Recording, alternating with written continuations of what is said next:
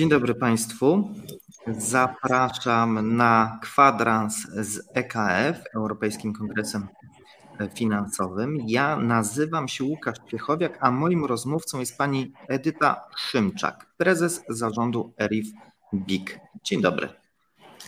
Dzień dobry panie redaktorze, witam Państwa. Zachęcamy Państwa do zadawania pytań podczas naszej rozmowy. Można je zadawać bezpośrednio przez slajdo, a oglądający naszą rozmowę na stronie Forsal mogą zadawać pytania bezpośrednio na Facebooku Forsal. Czekamy na Państwa pytania. No i teraz przechodzimy już do właściwego tematu rozmowy. ERIF to ważny podmiot, który ma spory pogląd, podgląd na sytuację na rynku consumer finance rynku, który bardzo dynamicznie się zmienia, ale też jest niezwykle wrażliwy na otoczenie biznesowo-regulacyjne. Porozmawiamy o tych zagadnieniach. Mamy kwadrans, który będzie trwał około 30 minut, jak to przy, tego, e, przy tej formule programu, ale myślę, że rozsądnie podzielimy naszą rozmową, tak by udało nam się poruszyć wszystkie kluczowe wątki. Zacznijmy od pierwszego, tego najbardziej kluczowego, najważniejszego, czyli zapytam o zmiany w modelach biznesowych, które doświadczyliśmy i które będziemy doświadczać. Pani Edyto. Ten ostatni czas, który przeżywamy tak naprawdę od momentu wybuchu pandemii, to jest dla nas, myślę, że w biznesie bardzo bardzo niecodzienny y, okres, którego nie doświadczaliśmy pewnie w przeciągu ostatniej dekady albo nawet ponad to. Przede wszystkim to jest chyba tak przyspieszony kurs dojrzałości właśnie w modelach biznesowych i, i kluczowe jest to, że mamy wymuszone przez to środowisko zewnętrzne, wymuszoną wręcz potrzebę e, biznesową takiej transformacji i zmiany w naszych modelach. E, to, co się e, dzieje, to oczywiście mm, taka pilna, bezpośrednia reakcja na trendy, jakie zauważamy dookoła.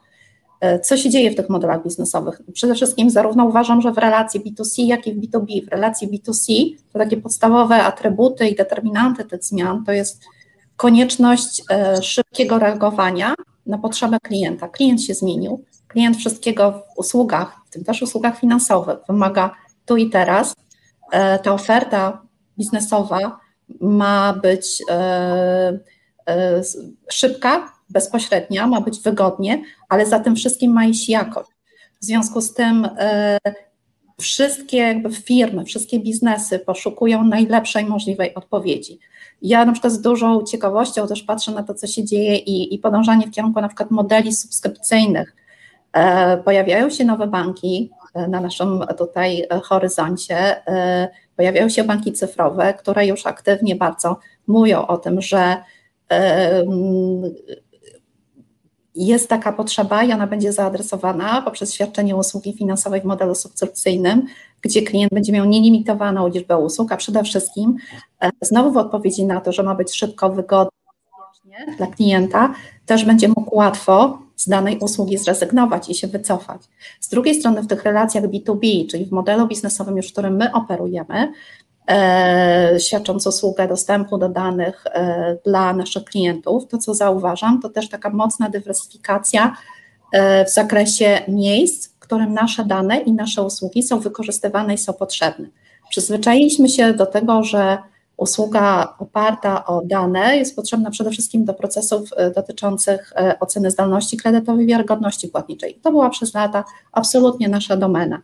Natomiast e, coraz częściej właśnie z uwagi, na, z uwagi na te zmiany w modelach biznesowych, na bardzo silne wchodzenie do świata online, na bardzo silne, silną pozycję e-commerce, który w tej chwili no, zdobywa, zdobywa tą przestrzeń biznesową, te nasze usługi są już wykorzystywane, są absolutnie potrzebne do onboardingu, e, do procesów antyfraudowych, e, do procesów AML-owych, także to niesie za sobą potrzebę dywersyfikacji. Na, na pewno poruszymy te wszystkie wątki. Nie chciałbym, żeby Pani ubiegła moje kolejne pytania, tylko tak adwocem dodam, że klient to zawsze chciał tu i teraz, tylko że kiedyś to tu i teraz to było za trzy dni, a teraz tu i teraz to jest za trzy sekundy.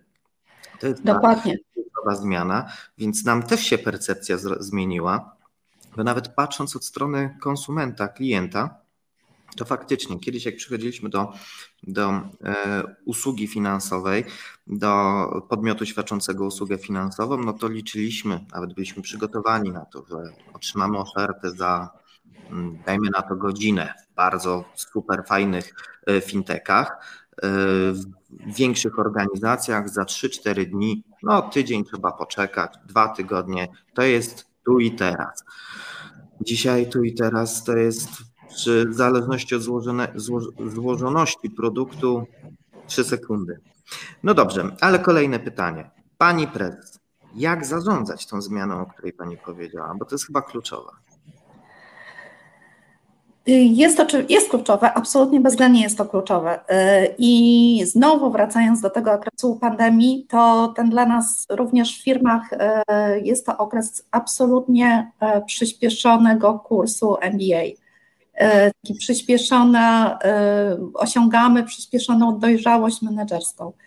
E, to, co się najbardziej według mnie uwidatnia i to, co się nam najbardziej liczy, to to, że procesy decyzyjne, one znacznie w organizacji się skróciły. Te decyzje muszą być podejmowane bardzo szybko, żeby móc nadążyć za zmieniającymi się trendami i właśnie generować jakąś propozycję biznesową, ofertę, zmieniać ją tym praktycznie no, w czasie, który dotąd e, był niespotykany.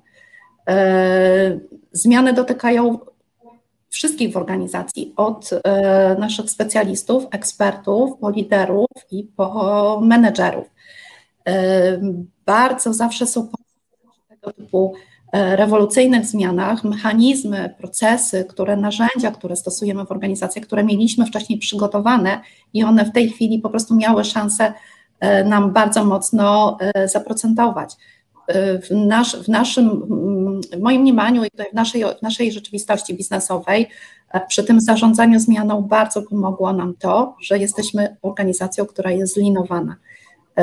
To pomaga, zwłaszcza przy przejściu do pracy zdalnej, która jest absolutnym wyzwaniem i bezprecedensowym wydarzeniem, pozwala bardzo mocno zachować pod kontrolą istniejące procesy, zarówno te na, fronte, na froncie, jak i te procesy backendowe. I to jest bardzo ważne, bo możemy te procesy mieć zmapowane, możemy je mieć pod kontrolą, możemy je monitorować.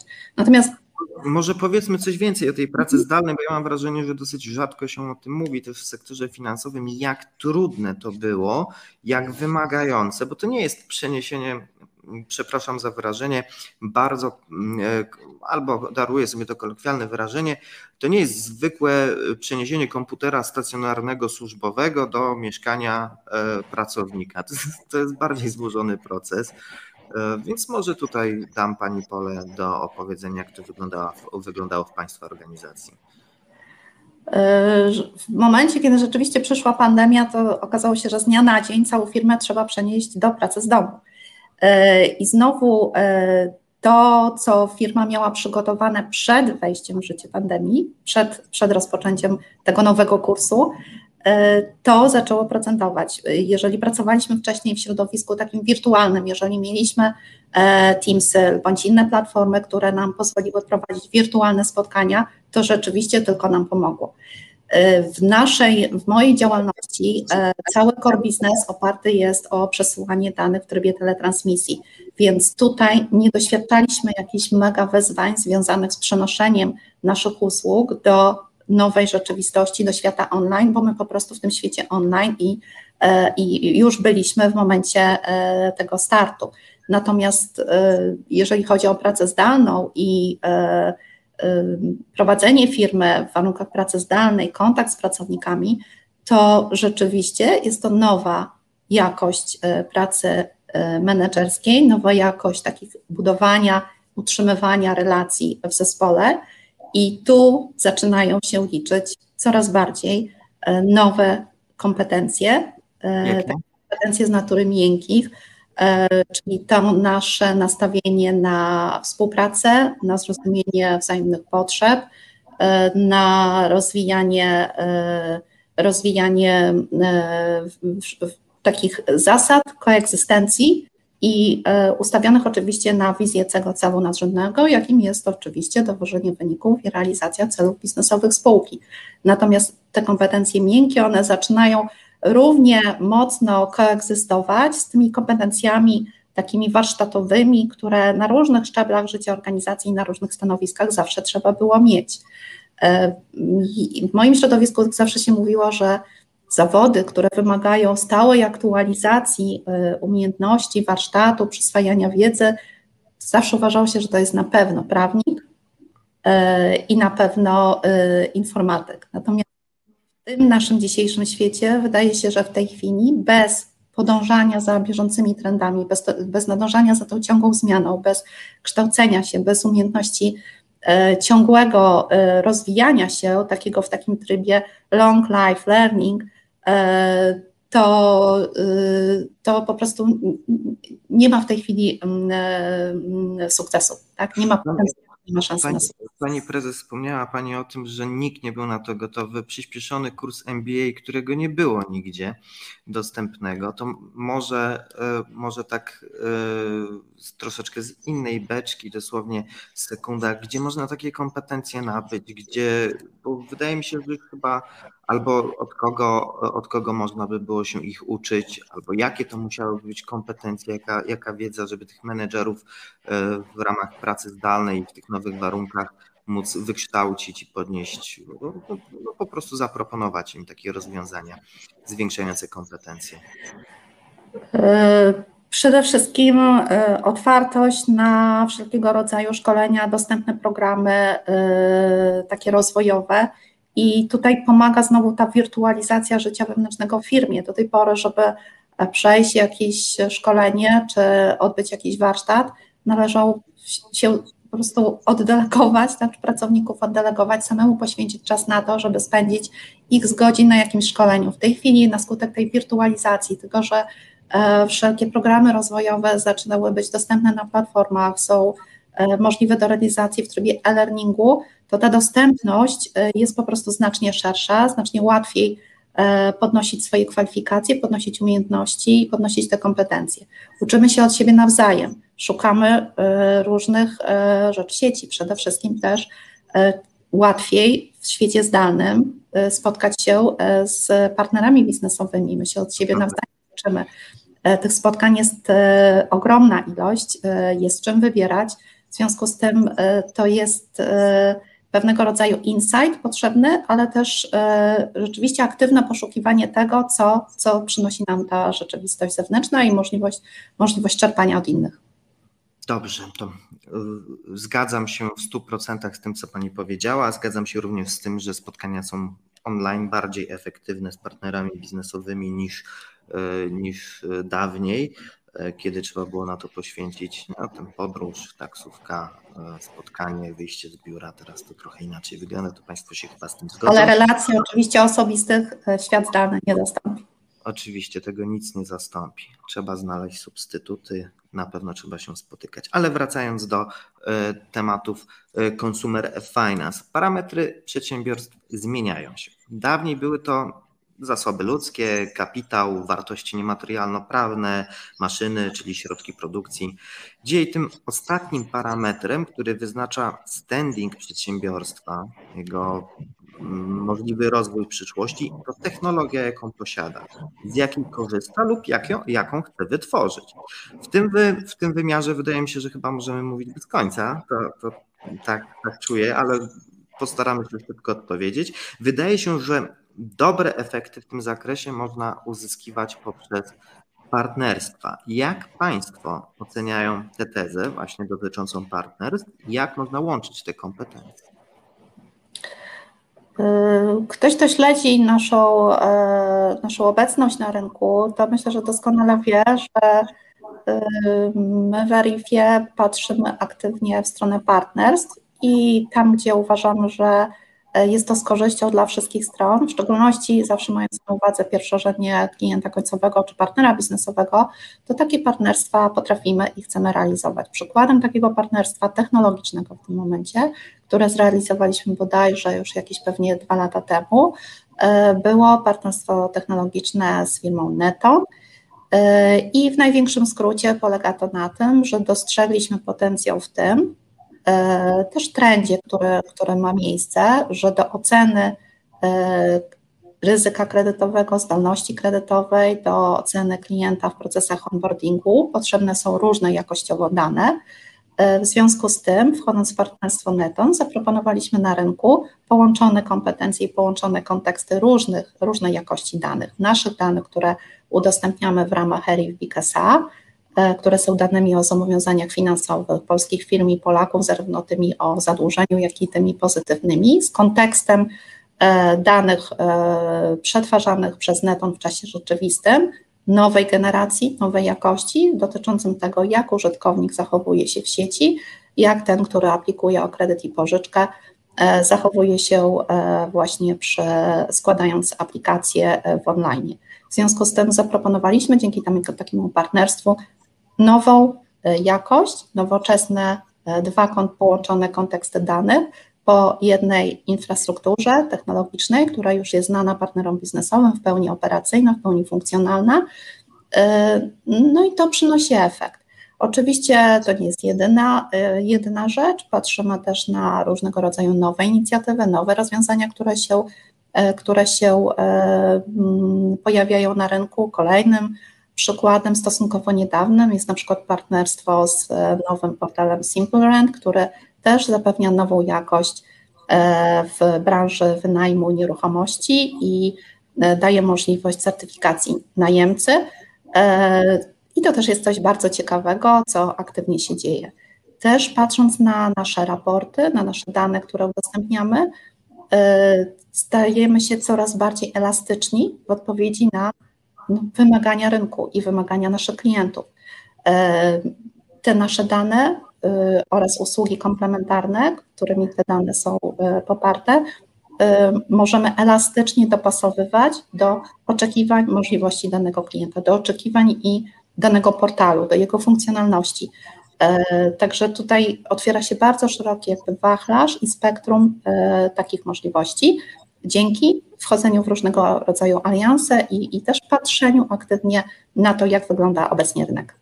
Czyli domyślam się, że Państwo aktywnie patrzą na te partnerstwa, bo e, wspomniała Pani o Neton, e, o Simple Rent i pewnie coś jeszcze się nam w przyszłości na pewno e, pojawi.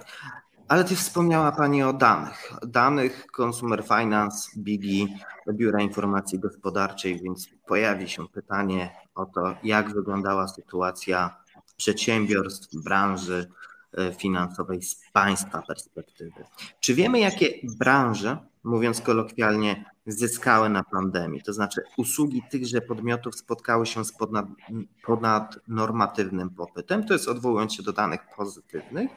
No i niestety też trzeba zadać pytanie, to przykre, którym się nie powiodło. Zdecydowanie branże, które odczuły e, pozytywny, e, pozytywny impact z tych wszystkich wydarzeń pandemicznych, to są branże, które operują w internecie i, i, i cały sektor e-commerce. W związku z tym tutaj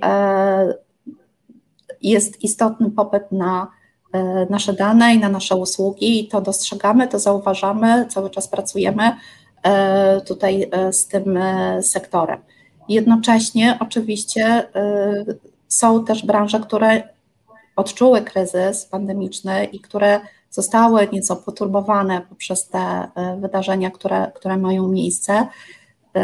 I tutaj można mm, powiedzieć, że my w ERIF-ie, z racji tego, że odnotowujemy miliony, milion, kilkanaście milionów zapytań w skali roku, to widzimy na naszych odczytach, na statystykach tych odpytań, że rzeczywiście e, był, e, był e, zauważany trend spadkowy na zapytaniach i to, to, to, między innymi dotyczyło pozabankowego rynku pożyczkowego, firm, które działają w tym sektorze. Instytucje pożyczkowe. Też regulacji, jest to efekt tak. też oczywiście regulacji, i wszystkim, wszystkich aspektów, które bezpośrednio z tym się wiążą. Natomiast zauważalnie też na szczęście widać pewnego rodzaju odwilż, stabilizację i będziemy z ciekawością obserwować, jak ta sytuacja będzie się rozwijać w ciągu najbliższych miesięcy. Ja widzę oczywiście pytania od widzów. Wszystkie zostaną przeczytane, czyli ten kwadrans nam się wydłuży o kwadrans, już teraz mogę to powiedzieć, ale zadamy je na końcu, bo one dotyczą czystych e, danych, a mamy jeszcze kilka ciekawych e, pytań dotyczących cyfryzacji. No i właśnie ta cyfryzacja. Ja jestem przekonany, że hura optymizm w zakresie transformacji cyfrowej nie powinien w żadnym momencie bagatelizować zagrożeń cyfrowych. Jest ich sporo. Ostatnio też sporo o nich mówiono w przestrzeni medialnej. Nie damy rady o wszystkich powiedzieć, ale z punktu widzenia biznesu najważniejsze jest bezpieczeństwo operacyjne, ciągłość działania i świadczenia usług. Jak e, Pani uważa z perspektywy menedżera, prezesa dużej firmy, jak można wdrażać rozwiązania, e, również te, które świadczycie, e, wdrażać rozwiązania, które tę ciągłość operacyjną zapewniają. Taki bezpieczny sen prezesa. E, każda sytuacja ma dwie strony medalu, więc to przyspieszenie, cyfryzacja, digitalizacja, przejście do e-commerce'u, wszystko to, co się dzieje w internecie, co jest absolutnie pozytywne, E, ma to swoją drugą stronę medalu, czyli jesteśmy bardziej narażeni na ewentualne incydenty związane czy z wyciekiem danych, czy na, na kwestie i bardziej jesteśmy też wyczuleni na wszystkie kwestie związane z cyberbezpieczeństwem. E, są namacalne dowody, które widzimy dookoła siebie, oczywiście też są badania, które potwierdzają, że pandemia przyspieszyła E, ten, e, tą alokację jakby uwagi, zasobów do kwestii cyberbezpieczeństwa. Co drugi przedsiębiorca wskazuje, że został, że dla niego kwestie cyberbezpieczeństwa stały się coraz ważniejsze.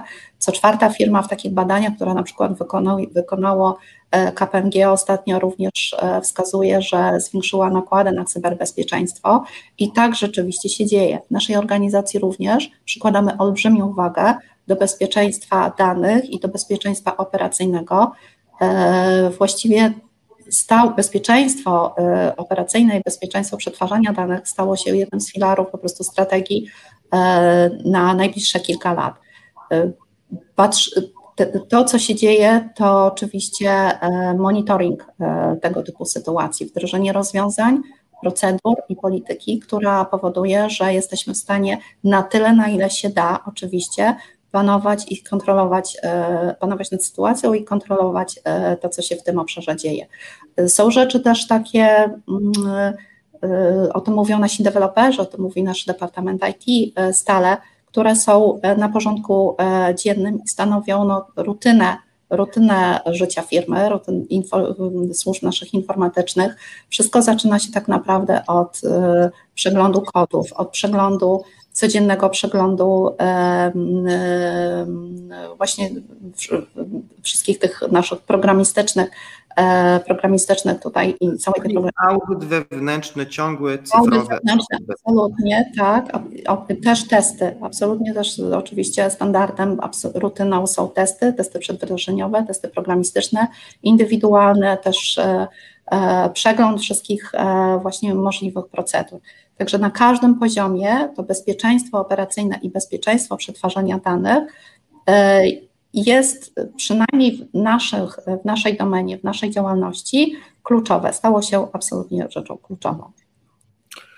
E, przechodzimy do kolejnego trudnego pytania. E, pytania, które e, jest istotne chyba dla wszystkich uczestników rynku finansowego i nie tylko, bo również i konsumentów, e, czy też e, przedsiębiorstw e, niefinansowych, które korzystają z usług finansowych. A mianowicie chodzi o pytanie regulacyjne. Zacznę może wymieniać regulacje, które gdzieś tam mamy na tapecie na najbliższym e, horyzoncie. To jest e, CCD, CCD, czyli Consumer Credit Directive, ustawa o kredycie konsumenckim prawdopodobnie będzie zmieniona, zmiany w kodeksie cywilnym, ustawa o crowdfundingu, paczka regulacyjna z UE z Unii Europejskiej, między innymi o AI-u, zmiany w e-commerce. Do tego mamy interpretację urzędów regulacyjnych. Mówiąc wprost, sporo tego jest naprawdę dużo.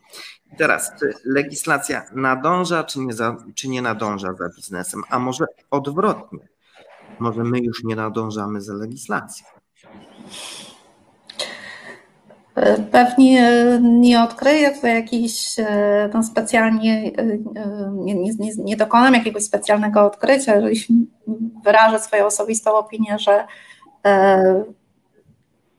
nie legislacja za biznesem, zwłaszcza w dzisiejszym świecie, po prostu nie jest w stanie nadążyć i nie nadąża. E, do tego, co pan redaktor wymienił, dodam jeszcze, że to, czego, co nam doskwiera i czego nam brakuje, to po prostu to, e, jak korelacja pomiędzy różnego rodzaju rozwiązaniami i przepisami, które wchodzą w życie. Autentyczna, najprawdziwsza też w świecie odczuwana przez nas niestabilność przepisów i to, że one zmieniają się czasami z dnia na dzień. E, też bardzo. godziny na godzinę nawet. Nawet z godziny na godzinę. Bardzo długo trwa proces e, przygotowania, z drugiej strony, tak? Trwają długo przygotowania do wdrożenia jakiejś ustawy, a potem właśnie z dnia na dzień następuje zmiana, e, zmiana interpretacji.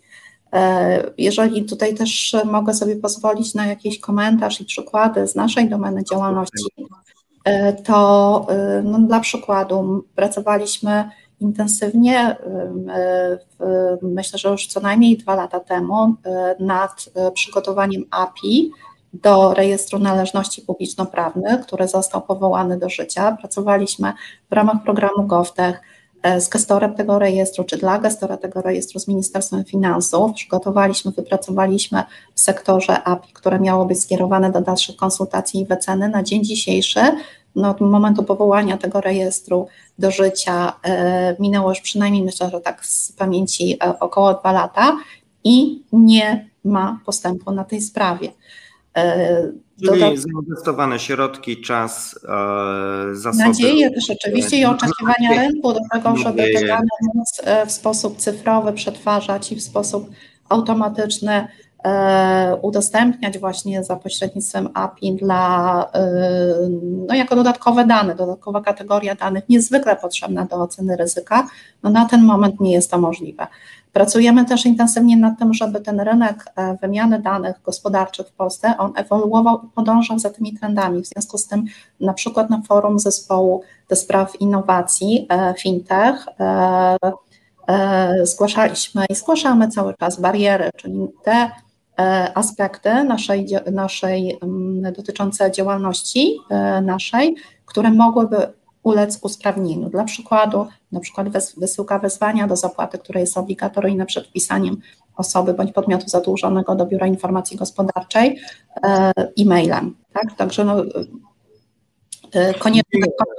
Mówimy, o, mówimy o barierach e, fintech, e, raporcie bariery fintech przy Komisji Nadzoru Finansowego opracowanego przez Departament do Spraw Innowacji Finansowo-Technologicznych w UKNF. Rzeczywiście był taki raport, ja zachęcam Państwa do przeczytania, było sporo organizacji, firm, które brały w tym udział, tych barier trochę jest, niektóre zostały zlikwidowane, niektóre nie. Niektóre nie, niektóre są w trakcie oceny, niektóre są skierowane do dalszych konsultacji, no i właśnie wśród tych barier, kilkanaście dotyczyło e, usprawnień koniecznych z perspektywy odbiorców albo dostawców naszych danych.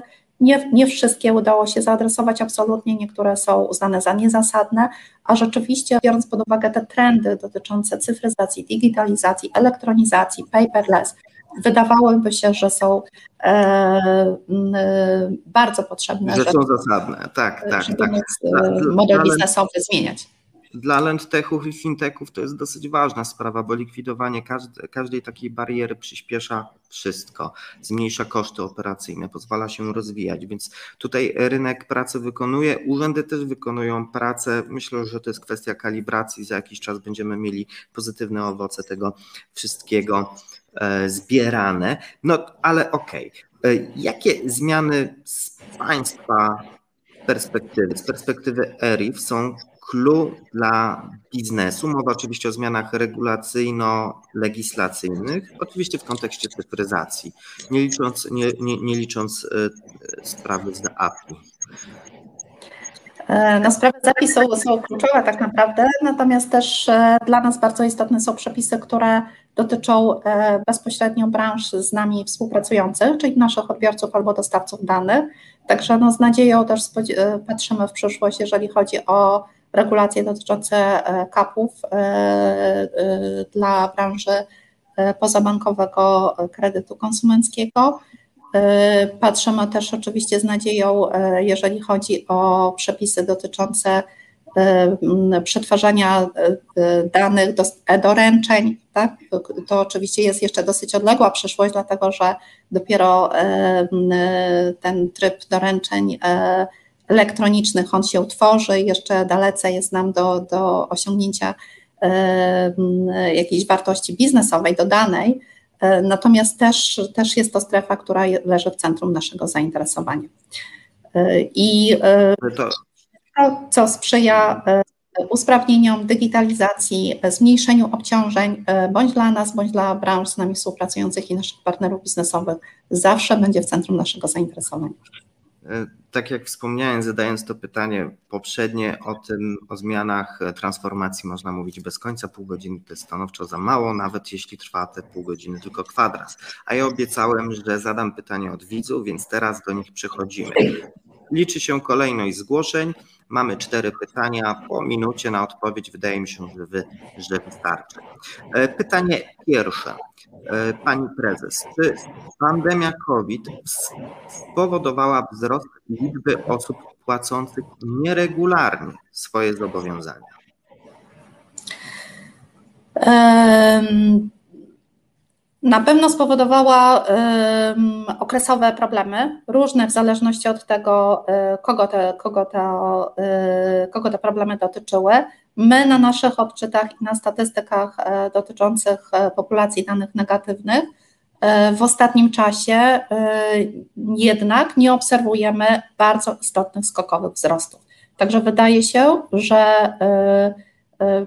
wierzyciele wdrożyli stosowne też metody, walki z, czy, czy przeciwdziałania po prostu e, grom, na gromadzeniu się e, bardzo. Czyli, czyli, by, czyli były fluktuacje, ale zarówno i konsumenci, jak i wierzyciele reagowali elastycznie, co pozwala nam stwierdzić, że sytuacja jest w miarę stabilna. Kolejne, nie było skokowych wzrostów. Mhm. Nie było skokowych wzrostów. Mm, czyli y, okej, okay, to, to zamyka, zamyka odpowiedź. Kolejne pytanie. W jakim kierunku będzie migrował model biznesowy biur informacji gospodarczej? Y, przede wszystkim uelastycznienia oferty, y, mm, wypełniania naszych portfolio, naszych usług usługami, które możemy e, dodawać do e, bezpośredniego obrotu naszymi, naszymi takimi surowymi danymi. Przykładem też usługi, którą ostatnio wprowadziliśmy do portfela jest trakowanie zachowań konsumentów w oparciu o e, rejestr zapytań przez branże z nami współpracujące. Także to są takie trochę, można powiedzieć, jakieś wasy, dodatkowe, dodatkowa wartość dodana, do usług y, opartych o surowe dane, które zawsze świadczyliśmy, oczywiście świadczyć będziemy. Będziemy poszukiwać też, myślę, że takich modeli, które pozwalają na e, łączenie e, różnej jakości danych i, e, i również dobudowywanie do tych danych analityki na tyle, na ile oczywiście nam pozwoli na to prawo. Dziękuję. Trzecie pytanie, wydaje mi się, że ono pokrywa się z pierwszym, ale z szacunku do osób, które je napisały, warto je przeczytać i zastanowimy się, czy ta odpowiedź, która już została udzielona, nie wypełnia e, tego pytania. Czy według danych ERIF rynek się ustabilizował, czy dalej odczuwa efekty pandemii? E, Wydaje się, proszę Państwa, że trochę jeszcze za wcześnie, żeby wyciągać bardzo takie trwałe i jednoznaczne wnioski, dlatego że my cały czas jeszcze e, i nasi e, odbiorcy danych, ale przede wszystkim dawcy tych informacji po stronie windykacyjnej jeszcze są cały czas w fazie, ja to nazywam pandemicznej, tak? I my musimy poczekać trochę, żeby formułować jakiekolwiek trwałe wnioski. Oczywiście kwartalnie robimy odczyty, badamy wskaźniki, podstawowe KPI, patrzymy na wszystkie dane dotyczące właśnie stanu populacji, dynamiki zmian na danych negatywnych, na danych pozytywnych, na zapytaniach. Natomiast to jeszcze za wcześnie, żeby właśnie te trwałe wnioski móc sformułować. Jeszcze jesteśmy w fazie aktywnego reagowania na to, co się dzieje, no bo w fazie aktywnego reagowania na sytuację znajdują się poszczególne sektory gospodarki. Na razie chyba wszyscy. Ostatnie pytanie od widza. Pani prezes, jakie rozwiązania z pandemii, domyślam się, że wypracowane w trakcie pandemii lub zaproponowane w trakcie pandemii, pozostawicie Państwo w palecie usług ERIF na dłużej? Właściwie już wcześniej powiedziałam o tym, tak? Będziemy stawiać na te usługi komplementarne, na poszukiwanie w e, danych, które przetwarzamy e, nowej jakości i nowej wartości dodanej. To jest olbrzymia populacja w tej chwili, bo ponad 100 milionów zobowiązań o wartości ponad 50 kilka miliardów złotych. W związku z tym cały czas szukamy i, i ofer, w naszej ofercie E, biznesowej takich usług opartych o te dane, o tą populację bazy danych, które najlepiej będą odpowiadać na potrzeby klientów w zakresie e, e, w zakresie badania i monitoringu ryzyka, w zakresie wpływu na szkodowość, ograniczania tej szkodowości. I to, to, to myślę, że powinna być nasza domena przez najbliższy czas. Oczywiście pracujemy nad strategią na najbliższe kilka lat ale tutaj jeszcze szczegółów nie jestem w stanie e, i nie, nie mogę Państwu ujawniać. Aktywnie obserwujemy rynek, aktywnie obserwujemy naszych klientów. Przede wszystkim patrzymy na to, co się dzieje w online, w e-commerce, e, ale, ale również e, w tych biznesach, które się rekrutują z tradycyjnych trochę rynków, z nami współpracujących, w których zmienia się właśnie jakość, jakość usług a dane są paliwem przyszłości, więc myślę, że e, pracy nam nie zabraknie i popytu na te dane też e, nie zabraknie.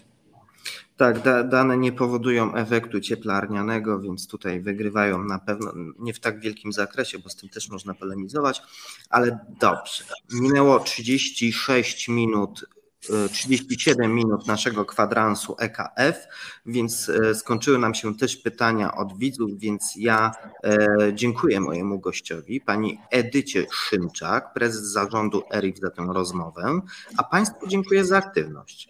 Po zakończeniu transmisji nasze spotkanie będzie dostępne na stronie Europejskiego Kongresu Finansowego oraz na stronach serwisu Forsa. W tym miejscu też zapraszam Państwa na kolejny kwadrans EKF. W najbliższą środę, 23 czerwca o godzinie 12 pani Iwona Kozera, partner zarządzający EY Consulting oraz strategia e, transakcje, rozmawiać będzie z panem Józefem Wancerem, przewodniczącym Rady Nadzorczej BNP Paribas Bank Polska. Jeszcze raz dziękuję pani prezes za, za ten wywiad, za ten kwadrans i do zobaczenia. Dziękuję. Dziękuję bardzo.